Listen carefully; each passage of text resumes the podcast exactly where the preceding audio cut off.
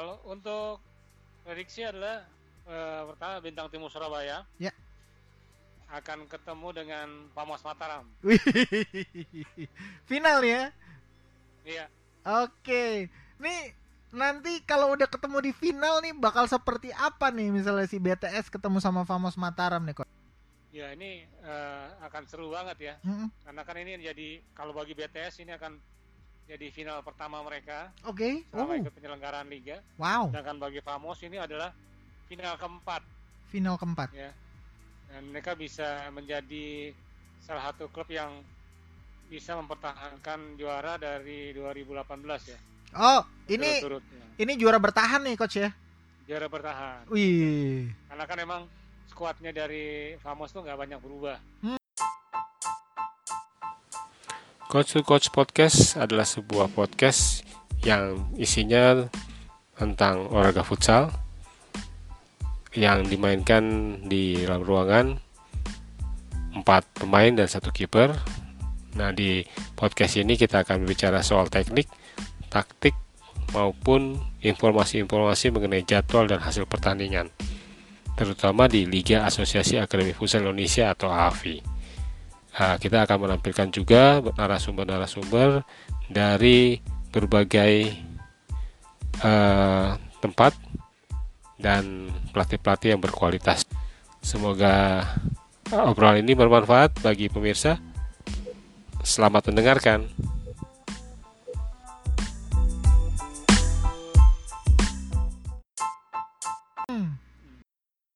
Bareng Coach David Nanulaita sahabat RPK yang sudah bersama dengan kita nih. Kita membedah dan juga akan ngobrolin mengenai Liga Futsal Indonesia yang sudah eh, bergulir ya. Tapi ini bergulir jadi mungkin menyelesaikan ya kompetisi yang sudah dilaksanakan dan ternyata sudah di semifinal untuk yang kategori putra sahabat RPK ada Black Steel dan juga BTS nih ya. Dan juga di semifinal lainnya ada SKN Kebumen melawan Famos Mataram. Kemudian di kategori putri ya ini Persiba female ini yang jadi jawaranya nih. Wah seru banget. Nah Coach David sudah bersama dengan saya Co- Coach? Ya. Mas- masih ya Coach? Oke siap Oke, sahabat RPK, eh, kita akan tanya-tanya nih sama Coach David Nanolaita juga tentunya nih mengenai eh, Liga Futsal eh, yang sudah bergulir. Coach, sebelum kita ngobrolin so- soal klub-klubnya, Coach, ada nggak sih atmosfer yang berbeda nih sebelum pandemi ya? Berarti udah satu tahun dan setelah kemarin mulai bergulir atau jadi malah tambah semakin semangat banget nih eh, para pemain di lapangan, Coach. Silakan, Coach. Iya. Untuk dua hari pertandingan kemarin, eh, para pemain antusias ya untuk kembali ke lapangan ya. Walaupun dengan protokol kesehatan yang cukup ketat, karena pertandingan tanpa penonton dan Oh, tanpa media juga. Oh. Jadi hanya panitia eh, dan ofisial dan pemain saja yang hanya di dalam lapangan. Hmm. Media pun terbatas ya, Media terbatas ya. Sangat Oke. terbatas. Ya. Eh, ada pembatasan-pembatasan lain juga coach te- terkait juga sama misalnya official gitu dan juga pemain yang eh, berada di eh, lapangan seperti itu coach. Iya. Jadi eh, pemain hanya ada 14 dan 6 official ya. Jadi kira-kira ada 20 orang aja setiap timnya yang ada di lapangan. Hmm. Jadi benar-benar terbatas gitu ya. Iya, sangat terbatas. Sangat terbatas sekali. Oke. eh, coach, sebelumnya ada regulasi-regulasi tersendiri nggak sih coach terkait eh, dimulainya kompetisi yang ada nih saat ini nih coach? Regulasi tidak ada ya. Ya, ya, ya. Masih tetap yang sama. Mm-mm. Hanya mungkin eh, para peserta yang ada sekarang ini kan ditinggal kebanyakan ditinggal pemain asingnya ya. iya. Benar benar. Kecuali benar. eh, Eh, Bintang Timur Surabaya masih ada satu pemain. Mm, mm, Itu dari Belanda, Karim Mosawi. mm. Wah. dan pelatihnya masih tinggal di Indonesia dan kemarin ten- eh, Karim Mosawi bahkan jadi penentu untuk eh, BTS masuk ke Final Four. Hmm. Ya, gol penentunya dia di tendangan bebas itu yang mengalahkan SKN Kebumen. Ya.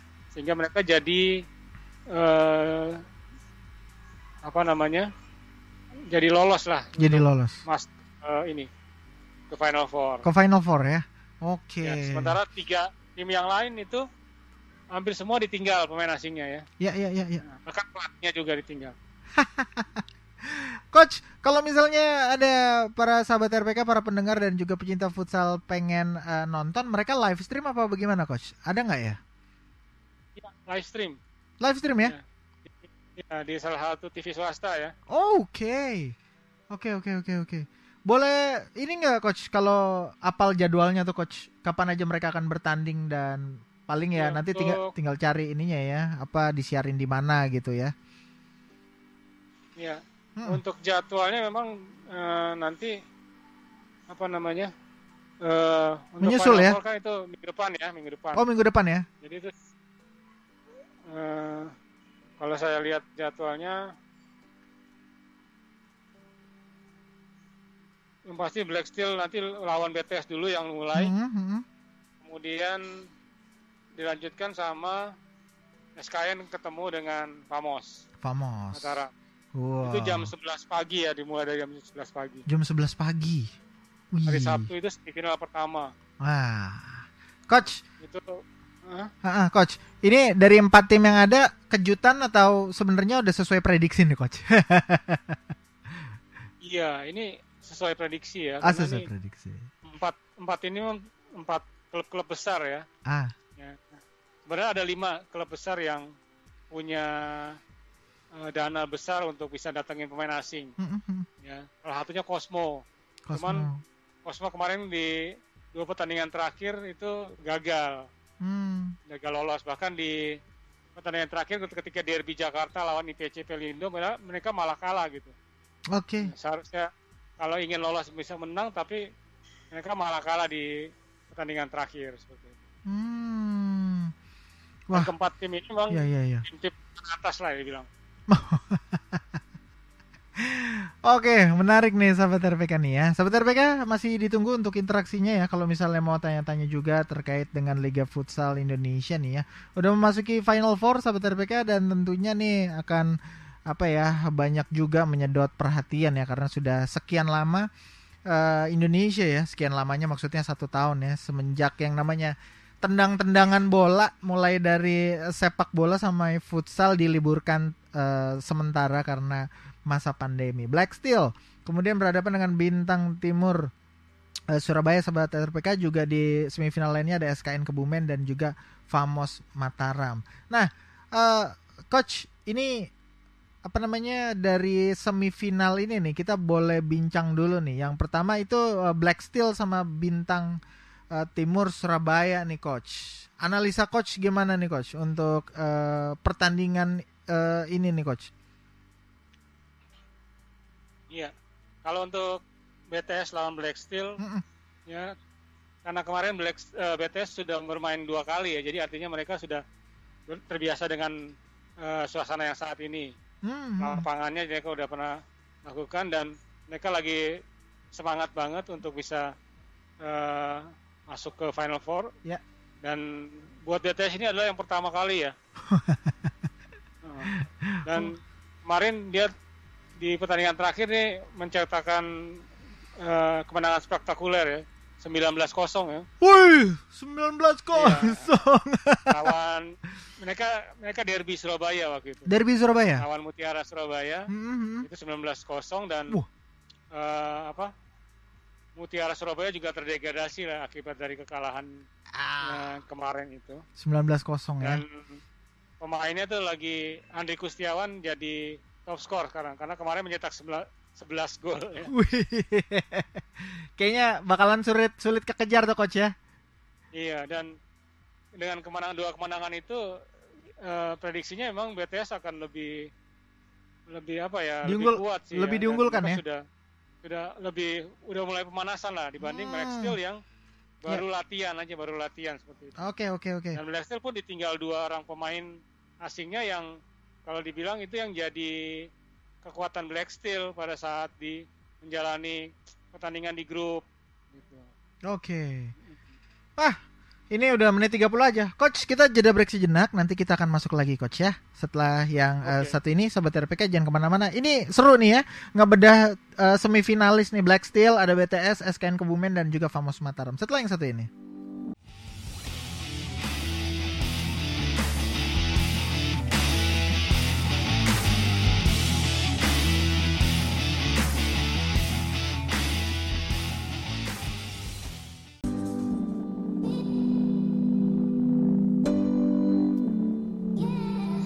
Kita kembali lagi sahabat RPK karena lagi seru-serunya nih ya Liga Futsal Indonesia sahabat RPK di kategori putra sahabat RPK sudah uh, memasuki putaran semifinal ya. Ada Black Steel yang akan berhadapan dengan Bintang Timur Surabaya Kemudian di semifinal lainnya ada SKN Kebumen melawan Famos Mataram. Ini adalah empat tim yang seperti kata Coach David Nanulaita tadi seperti diprediksi ya, memang uh, melanjutkan dan juga diprediksi memang akan terus nih. Tapi yang sekarang chance-nya dari Black Steel melawan BTS itu chance-nya yang cukup besar dan diunggulkan adalah BTS karena sudah bermain dua pertandingan di apa ya di uh, sisa kompetisi yang setelah pandemi gitu ya. Eh masih di masa pandemi tapi gitu. Dan mencatat uh, rekor gol yang fantastis tadi. Nah ini nanti akan ada analisa sedikit nih soal Black Steel yang ditinggalkan pemainnya. Pemain uh, asing dan juga nggak tahu nih nanti strateginya seperti apa nih. Coach David. Ya. ini kalau yang namanya uh, kayak BTS itu walaupun mungkin stamina juga uh, lumayan agak terkuras gitu ya tapi paling nggak dia sudah punya uh, pengalaman lebih dulu gitu ya juga adaptasi gitu coach ya dengan yeah. situasi dan kondisi sekarang dibanding Black Steel itu bakalan jadi modal penting itu ya untuk menghadapi semifinal nanti ya Iya jadi secara psikologis BTS jadinya lebih siap gitu karena hmm. mereka sudah melakukan namanya uji coba lah atau pertandingan sebelumnya Sementara kan Black Steel selama ini hanya latihan kan, dan dia nggak ada uji coba. Oke. Okay. uji coba yang dengan lawan yang sepantar yang kuat pun nggak belum ada. Jadi uh, kalau dilihat sih memang motivasinya lagi tinggi ya BTS ini ya. Hmm. hmm. Motivasinya lagi tinggi. Oke, okay. itu dari uh, BTS sahabat RPK. Coach, kalau dari Black Steel gimana tuh? Ditinggalkan dua pemain asing gitu. Ini apakah akan banyak mempengaruhi formasi, strategi dan juga kekuatan dari mereka untuk menghadapi BTS nih, coach? Iya, tentu saja mempengaruhi strategi ya.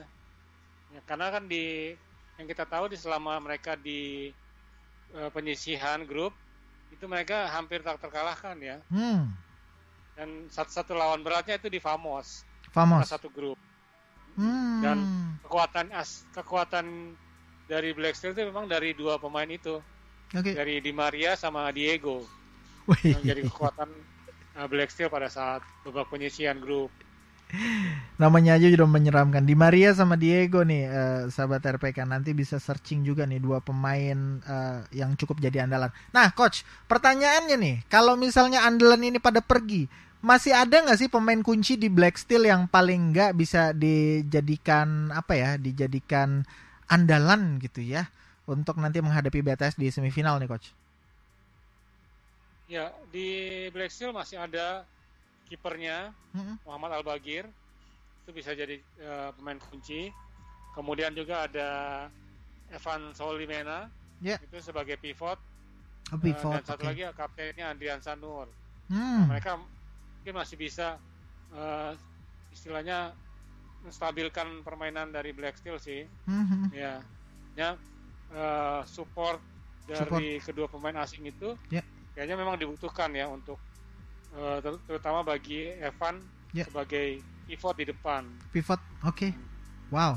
Yeah. Itu uh, analisanya emang kalau udah dari pelatih nih ya, sahabat RPK nih. ini pastinya uh, analisa yang oke punya nih ya karena memang uh, mendalami juga di uh, futsal nih sahabat RPK. Sahabat RPK masih ditunggu terus untuk interaksinya dan kita masih akan ngobrol terus di Black Steel tadi melawan Bintang uh, Timur uh, Surabaya yang strikernya coach ya udah 11 gol coach ya.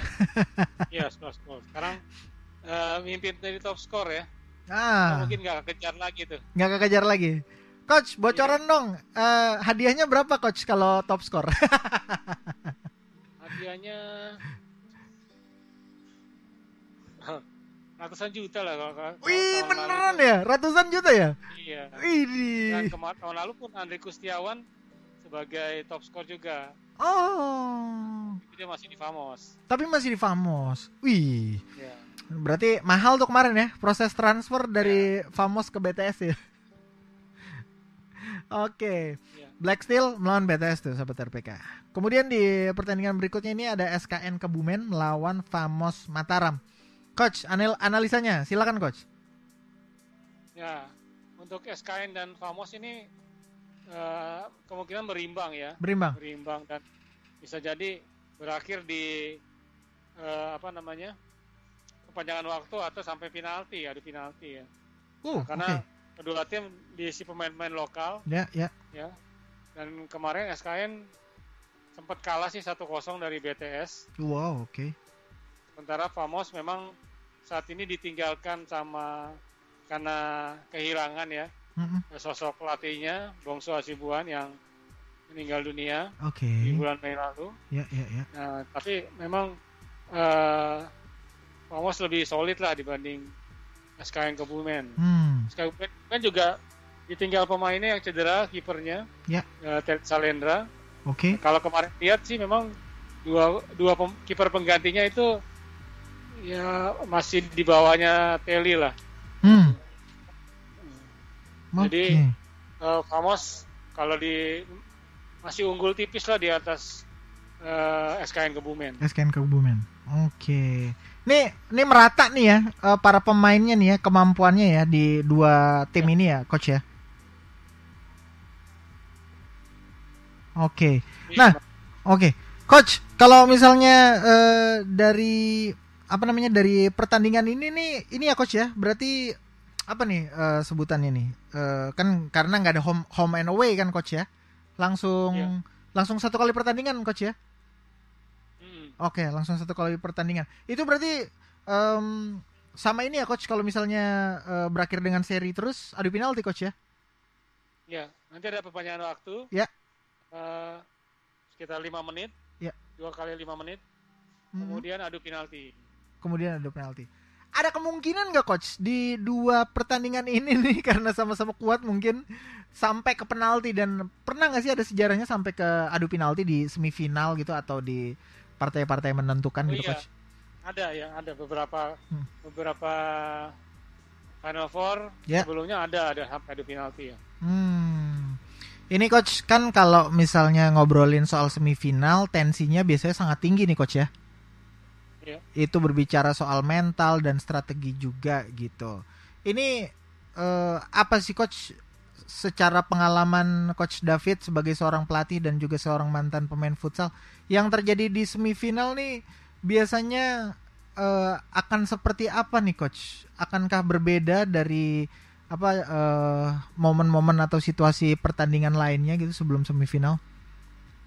Iya, tentunya berbeda ya. Mm-mm. Eh, mungkin juga ada rasa tegang juga. Ya. Karena kan eh, ini penentuan ya, penentuan untuk bisa eh, dapat ke lolos ke final. Ke final betul. Kemudian dan ini nggak bisa diulang lagi. Artinya Mm-mm. eh, apa yang harus yang dia mereka harus benar-benar siap untuk untuk pertandingan di semifinal ya. Mm-mm. Nah, kalau pengalaman dulu sayangnya waktu saya di Liga Pro dengan tim swap itu pakai dua leg ya home away ya. Oke. Nah, Home jadi and away. apa namanya eh, berasa beda gitu. Berasa Kalau beda. yang sekarang kan satu kali jadi benar-benar mati-matian lah istilahnya untuk bisa menangkan pertandingan kan. Heeh. Kalau eh, gagal ya berarti ya nggak bisa masuk nggak bisa masuk final dah. Betul.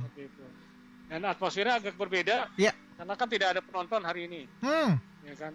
Kalau ada penonton mungkin eh, tim dari Pamos dan SKN Kebumen akan mengerahkan fansnya ya. Fansnya ya, Karena kedua fans ini cukup cukup ini ya, atraktif ya. atraktif ya. Kedua tim ini punya fans yang atraktif selama eh, pertandingan gitu. biasanya. Betul. Uh. Itu um, mental berbicara juga ya coach di semifinal ya karena menuju final nih. Iya, Oke. sangat-sangat berbicara ya. Oke. Siapa Biasanya yang siap Ah, dia ah, yang ah. menang ya. siapa yang siap dia yang bakal menang. Coach biasanya kalau pelatih di semifinal ya seorang pelatih itu walaupun berstrategi biasanya rata-rata menginstruksikannya seperti apa coach? Lebih menunggu kesalahan lawan atau menciptakan gol terlebih dahulu gitu coach? Iya, eh, mungkin lihat dari kesiapan pemain ya, Oke. kesiapan pemain dan juga dari lawan yang dihadapi. Hmm. Nah, eh, bisa jadi memang eh, pelatih akan mengambil cara em, untuk menunggu di setengah lapangan Hmm. untuk defense atau mereka juga bisa juga eh, apa menginstrukan untuk langsung defense di atas ya di depan eh, di lapangan lawan gitu ya bisa juga Oke. Cuman untuk- karena ini memang eh, apa namanya sangat sangat krusial Ya. banyak kemungkinan sih akan banyak menunggu ya Hmm, hmm. menunggu eh, kesalahan lawan kemudian bila dapat bisa langsung di counter attack gitu Hmm. dan Oke. juga memanfaatkan set piece set piece seperti bola corner atau Mm-mm. kick in atau free kick itu juga bisa dimanfaatkan untuk eh, memecahkan kebuntuan lah Kebuntuan. Dan mencuri gol. Bi- Biasanya yang mencuri gol terlebih dahulu itu udah lumayan cukup menurunkan mental pemain lawan ya, coach. Iya, nah itu yang harus dicari oleh masing-masing pelatih ya. Oke. Mereka akan eh, mencuri siapa yang duluan mencuri gol pertama, Ya. itu eh, akan menambah motivasi ya buat Hmm. buat dia ya, Oke. mereka. Oke. Kita akan break sejenak. Nah, nanti Coach David tentu saja eh, kita todong nih ya.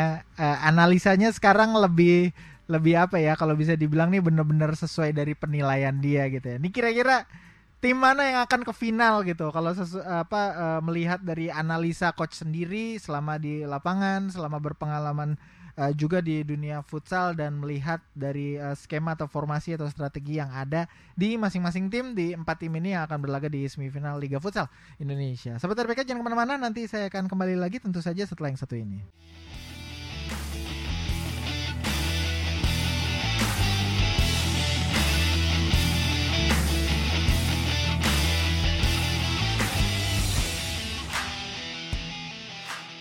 Sudah diulas juga mengenai keempat tim ya di dua pertandingan di semifinal Black Steel melawan BTS, kemudian SKN Kebumen melawan Famos Mataram, sahabat RPK.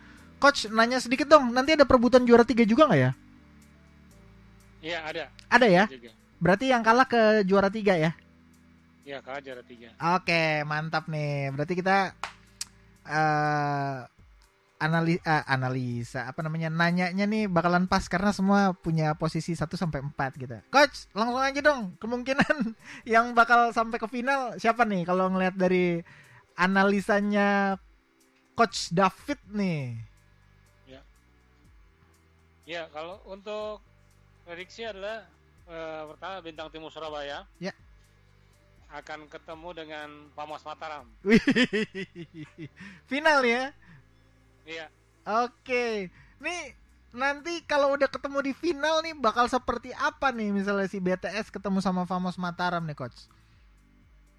Ya ini eh, akan seru banget ya. Mm-mm. Karena kan ini jadi kalau bagi BTS ini akan jadi final pertama mereka Oke. Oh, selama ikut penyelenggaraan liga. wow. Sedangkan bagi Famos ini adalah final keempat Final keempat. ya. Dan mereka bisa menjadi salah satu klub yang bisa mempertahankan juara dari 2018 ya. Oh, ini Turut-turut, ya. ini juara bertahan nih coach ya. juara bertahan. Wih. Karena kan emang skuadnya dari Famos tuh nggak banyak berubah. Hmm. Kalau BTS kalau uh-uh. BTS ini Iya. eh, banyak yang dari Black Steel pindah ke BTS. Iya. Itu banyak. Oh. Ya sebagian dari Famos juga ada yang pindah ke BTS. Mm-mm. Nah, jadi BTS ini benar-benar tahun ini membentuk klub yang Klub. kuat lah kuat ya. dan Sebelum-sebelumnya Ah. mereka gagal selalu gagal masuk Final Four. oke. Berarti ditopang sama pendanaan yang cukup besar juga nih coach ya. Iya, dan ada satu lagi pemain asingnya yang Ya. eh, juga top skor di Liga Belanda ya sebelumnya. Hmm. Karim Musawi. Ush. Sedap. Ini ada kemungkinan pemain-pemain yang bakal hijrah lagi nggak ke BTS nih coach? Karena melihat pendanaannya yang lumayan gede nih kayaknya nih ya, walaupun kita nggak tahu nominalnya berapa, cuman kalau coach cerita tadi nih kayaknya pemain-pemain andalan dari tim-tim besar nih ya, siap-siap nih dicomot sama uh, apa BTS. Ini masuk di Final Four juga pencapaian pertama nih coach ya, buat BTS ya? Iya pertama ya. Ini yang pertama dan untuk Famos Mataram sendiri dia paling enggak coach sudah walaupun ju uh, juara bertahan sudah punya mental bertanding untuk di final kali coach ya seperti itu ya coach. Iya betul. Mm -hmm. Mental bertandingnya kuat. Mm -hmm. uh, kekompakan juga ada ya. Yeah. Karena nggak banyak berubah skuadnya. Skuadnya. Oh oke. Okay. Kalau di BTS itu ada Runtuh Boy ya, Runtuh Boy pindah dari ah. Black Steel ke BTS ya. Betul. Jadi mereka nanti akan Runtuh Boy akan ketemu mantan klubnya. ya. Coach, kalau skor berapa coach? Black Steel melawan Bintang Timur Surabaya di semifinal pertama coach. Sampai penalti nggak coach kalau menurut coach? Uh, kali ini saya rasa enggak ya. Enggak ya? Skor mungkin uh, tipis ya. Tipis. Tiga dua lah. Tiga dua ya. BTS ya. Oke, tiga dua. Ah itu, Coach uh, David sudah punya jagoannya yaitu BTS ini uh, klub uh, pertama ya yang uh, Coach analisa akan ke final duluan. Kemudian SKN Kebumen sama Famos Mataram itu Famos Mataram ternyata. Ya. Ini skor kira-kira berapa nih Coach? Sama ya, tipis, tipis juga, juga ya. Uh, uh, sih prediksi saya 2-1 ya, hmm. tapi mungkin bisa sampai perpanjangan waktu nih. Hmm. Ini nanti bakalan rame nih kalau ngomongin analisa dari seorang uh, pelatih futsal nih. pada apa pada apa ngebet nih ya waduh luar biasa di perebutan juara tiga kemungkinan siapa nih coach Black Steel ketemu SKN Kebumen uh, SKN Kebumen ya saya pegang hmm. SKN Kebumen ya SKN Kebumen oke. Okay. coach kalau yang apa namanya kalau yang menjadi pusat perhatian dan kemungkinan menjadi biasanya ada MVP gitu coach ya? Most valuable player atau best player gitu ya coach? Punya uh, ini coach kira kira-kira gitu siapa yang kemungkinan akan jadi pemain terbaik gitu walaupun kita masih baru di semifinal gitu? Oh di semifinal ya? Iya. Pemain terbaik ya? Pemain terbaik ada mungkin pada ada uh, Andri Gustiawan ya bisa yeah. jadi pemain terbaik itu dari, dari traktor dari dari BTS dari BTS oke okay. ya atau juga bisa jadi uh, Runtuh Boy oh untuk Boy bisa bawa kemenangan mm-hmm. buat klub barunya. Oke. Okay. Uh, kalau antara Famos sama uh, eh, SKN Kebumen ini ada uh, Al Fajri ya. Mm. Itu pivot dari Famos. Mm-hmm. Itu juga jadi sekarang jadi leader juga di Famos. Wih. Ya. Udah senior atau kayaknya ya di situ ya. Iya. Oke. Itu uh, sahabat RPK yang bisa kami informasikan dan memang masih dari kategori putra ya karena kategori uh, perempuan ternyata memang sudah selesai duluan. Nah itu tentunya menarik dan kita bisa saksikan di minggu depan coach ya sudah mulai bertanding ya. di semifinal ya Black Steel melawan Bintang Timur Surabaya dan SKN Kebumen melawan Famos Mataram. Coach sedikit dong satu dua menit soal analisa untuk yang kategori perempuan nih, Persiba female. Ini memang jagoannya adalah mereka atau ini sebuah kejutan atau gimana coach? Sedikit aja coach. Ya, Persiba female uh, dia mempersiapkan timnya dengan baik ya. Ya. Dan ketika mereka sudah diketahui sudah lolos ke liga profesional, dia langsung merekrut pemain-pemain yang uh, pemain-pemain Persiba yang di sepak bola. Ya, ya. Untuk main di futsal hmm. dan materi pemainnya lebih bagus rata dari kiper sampai anchor flank dan pivotnya gitu hmm. anchor dan, dan mereka disiapkan lebih hmm?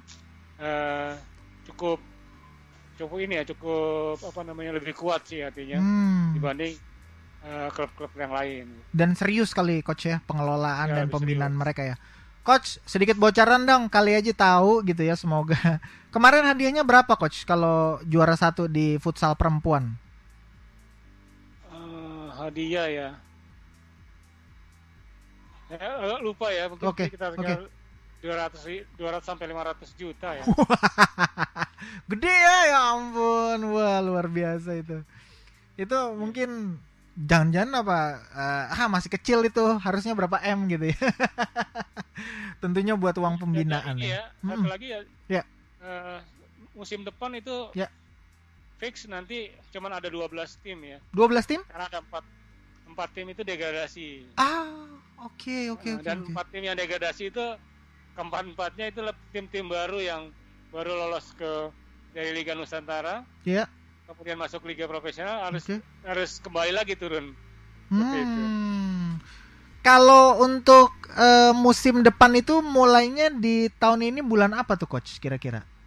Eh, kalau misalkan direncanakan sih setelah Lebaran sih ya. Oh, Dan sistemnya udah nggak di grup lagi, udah nggak di grup lagi? udah full. Oh, klasmen. Sama seperti yang Putri. Oh, sistem kompetisi penuh ya coach ya? Yang kompetisi penuh. Wah, oke. Rencananya seperti itu. rencananya seperti itu. Baik. Dan bisa Hmm. karena besok kan jadi cuman ada 12 tanpa degradasi. Ya. Eh, bisa jadi nanti ada Liga 2 ya kita lagi lagi nunggu nih. Mungkin ada Liga 2. Liga 2 oke. Jadi itu sekitar ada 8 atau 16 tim untuk masuk di Liga 2. Oke, oke, oke. Wow. Menarik, menarik, menarik sahabat RPK dan tentunya ini eh, kepengen juga ya nonton gitu ya. Walaupun cuma nanti masih di live stream karena masih dalam situasi pandemi, sahabat RPK masih bisa dukung juga mereka sahabat RPK boleh hilir mudik ke sosial medianya mereka memberikan dukungan juga ya. Itu ada eh, tim-tim yang kuat-kuat terutama juga yang di perempuan sahabat RPK ini dukungan dari kita bikin mereka juga akan tambah semangat dan juga terus mempopulerkan yang namanya olahraga futsal di Indonesia. Coach David, thank you banget sore hari ini coach. Oke. Sampai ketemu lagi di minggu depan. Salam sehat, salam olahraga dan sehat. eh, silahkan melanjutkan eh, futsalnya ini sampai malam kayaknya nih coach ya. Nah, ini udah selesai ya karena memang nggak boleh lebih dari jam 7. Oh, nggak boleh lebih dari jam 7. Oke, oke, siap, siap, siap. Uh, jadi ngiri ya, kepengen berkeringat juga nih di lapangan futsal. Oke, coach, sampai ketemu lagi di eh, sore eh, di sore hari di dua minggu lagi ya, masih tetap di coaching klinik. Nah, sahabat RPK itu tadi eh, coach David Nanulaita di coaching klinik sebagai narasumber utama kita dan kita akan kembali bertemu ya dua minggu lagi tentunya di coaching klinik di TOS teman olahraga sore-sore Daniel Tanamal pamit undur diri tetap jadi berkat jadi dampak untuk sesama. Salam sehat salam olahraga. Bye bye